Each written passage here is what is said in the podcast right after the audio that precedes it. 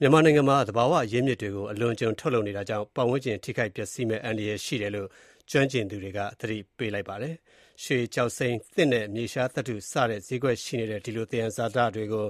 အလွန်အကျွံ ထုတ်ယူ သုံးစွဲနေတာကြောင့် ဆိုးရွားတဲ့ နောက်ဆက်တွဲ သက်ရောက်မှုတွေ ကြုံရလိမ့်မယ်လို့ ပတ်ဝန်းကျင် ထိန်းသိမ်းသူတွေက သတိပေးလိုက်တာပါ။ဒီအကြောင်း ရန်ကုန်ကပေးပို့ထားတာကို အခြေခံပြီး အလိမ္မာပြောပြပေးပါမယ်။ ပဲခူးရိုးမထဲကကျွန်းသစ်တွေဟာတရက်ကိုကုန်ကားအစီးရေ၁၀၀ကျော်လောက်ခုတ်လှဲခံနေရကြောင်းပဲခူးတိုင်းထဲကဒေသခံတချို့ကဗွီအိုအေကိုပြောပါတယ်။သစ်ခိုးထုတ်သူတွေဟာကားကြီးကားငယ်တွေနဲ့နေ့တိုင်းသယ်ယူနေပြီးမြဝတီနယ်စပ်ကတဆင့်ပြည်ပကိုရောင်းချနေတယ်လို့ပြောပါတယ်။ဒါကိုတားဆီးမယ့်သူမရှိတဲ့အတွက်ပဲခူးတိုင်းထဲကတော်လှန်ရေးအင်အားစုတချို့ကဒါကိုရပ်တန့်နိုင်ဖို့ကြိုးပမ်းနေကြောင်းရိုးမစစ်ကြောင်းနဲ့တပ်ရင်းရဲ့ဒုတပ်ရင်းမှူးမင်းခေါင်ကဗွီအိုအေမြန်မာပိုင်းကိုပြောပါတယ်။" ကျွန်း A4 သစ်တွေပေါ့။အဓိကကျွန်းသစ်ရယ်၊ရှားလုံးရယ်အဓိကထုတ်တယ်။နောက်ဂိတ်၄ဂိတ်ကနေပြီးတော့မြဝတီကိုအဓိကပို့တာပေါ့လေ။၁၃၁အုတ်တွင်းမိုင်ဂိတ်ပေါ့။ပြီးတော့၉၉မိုင်လေးဖာလုံရယ်၊၁၁၃ဖြူးဂိတ်ရယ်၊မြို့ကြောင်းလမ်းခွဲပေါ့အဲဒီဂိတ်၄ဂိတ်ကနေဒီကောင်တွေကအဓိကဖြတ်တာပေါ့လေ။ကျွန်းသစ်ကတနေ့ကိုတန်၁၀၀လောက်ပေါ့။အနည်းဆုံးတန်၁၀၀လောက်ကားရာချီတယ်တနေ့တနေ့ကိုထွက်တာအများကြီးကို။ လနဲ့ချီထောင်နဲ့သောင်းနဲ့ချီတာပေါ့လေ။သစ်ခွဲစက်တွေအလုံး၃၀လောက်ထိုင်ထားပြီးထုတ်နေတာပေါ့လေ။"ကချင်ပြည်နယ်ရွှေကူမြို့နဲ့နေရာအနှံ့မှာရွှေတူးဖော်တဲ့လုပ်ကွက်တွေပေါ်လာသလိုကျောက်စိမ်းနဲ့မြေရှားသတ္တုတူးဖော်မှုတွေလည်းလုပ်ကွက်တွင်ကျယ်လာပါတယ်။ ဓာတုဆေးဝါးအလွန်အကျွံသုံးစွဲနေတဲ့ မြေရှားသတ္တုလုပ်ငန်းခွင်တွေကြောင့် သစ်တောနဲ့ ရေအရင်းအမြစ် ပျက်စီးနေကြောင်း မြေရှားသတ္တုတူးဖော်မှု ဆန့်ကျင်ကန့်ကွက်ရေး ကော်မတီရဲ့ တာဝန်ရှိသူက ဗွီအိုအေမြန်မာပိုင်းကို ပြောပါတယ်။"သူတို့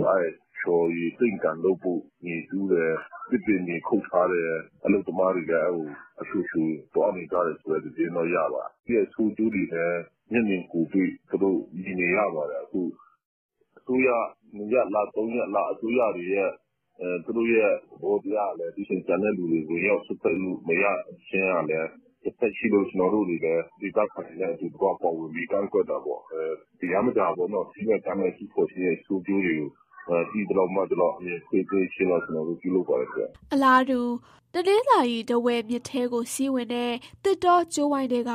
ချောင်းမြောင်းတွေဟာ၁၆မိုင်လောက်ရှိတဲ့ရွှေလုပ်ကွက်တွေကြောင့်ပျက်စီးသွားပြီလို့ Dawei Watch သတင်းဌာနကရေးသားခဲ့ပါတယ်။ ဒီကြိုးဝိုင်းသစ်တောကိုကမ္ဘာ့အမွေအနှစ်အဖြစ်စာရင်းသွင်းဖို့၂၀၁၈ခုနှစ်ကကြိုးစားခဲ့ကြပေမယ့်အခုတော့ဘောလုံးကွင်း၁,၃၀၀ကျော်လောက်နဲ့ညီမျှတဲ့ရွှေလုပ်ကွက်တွေနဲ့ပြည့်နေပြီလို့ပြောပါတယ်။စစ်ဖြစ်နေတဲ့နိုင်ငံမှာပတ်ဝန်းကျင်ထိန်းသိမ်းရေးကိစ္စက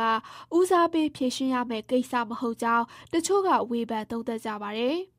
သဘာဝပတ်ဝန်းကျင်ထိန်းသိမ်းရေးအဖွဲ့တခုမှာပါဝင်နေသူတဦးကတော့သူ့အနေနဲ့နိုင်ငံတည်ဆောက်ရေးနဲ့သဘာဝပတ်ဝန်းကျင်ထိန်းသိမ်းရေးဒီနှစ်ခုလုံးကိုအရေးကြီးတဲ့ကိစ္စလို့မြင်ကြောင်းဗွီအိုအေမြန်မာပိုင်းကိုပြောပါတယ်။"ယန္တရားတခုလုံးကကိုယ်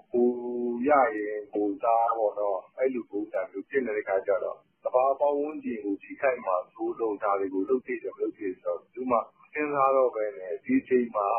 ငါတို့ဘာရမှာလဲဆိုတဲ့လူအုပ်ကြီးကအများကြီးပေါ့။ ဘယ်သူမှ ထိန်းသိမ်းတဲ့ဟာ မရှိတော့ဘူး။တကယ့်ကို စိုးရိမ်စရာပဲ။ဒီထက်အရေးကြီးတဲ့ ပြဿနာက ရှိသေးတဲ့အခါကျတော့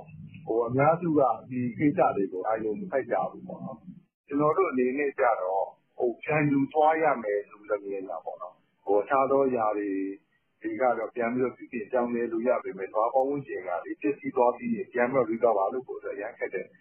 ကိစ္စတခု ဖြစ်တဲ့အတွက်ကြောင့်မို့ ဒါကတော့ ကျနော့်အမြင်ကတော့ အရေးကြီးတယ်ပေါ့နော်။" အလုပ်အကိုင်ရှားပါးမှုနဲ့ပဋိပက္ခတွေကသဘာဝပတ်ဝန်းကျင်ကိုပျက်စီးစေတဲ့အကြောင်းရင်းတချို့ဖြစ်စေတယ်လို့သုတေသနစစ်တမ်းတွေကရေးသားကြပါတယ်။စစ်ဖြစ်တဲ့နေရာတွေမှာစည်းကမ်းမဲ့သယံဇာတတူးဖော်ထုတ်လုပ်မှုတွေဆက်ပြီးရှိနေဦးမယ်လို့အများစုကခန့်မှန်းထားကြပါတယ်။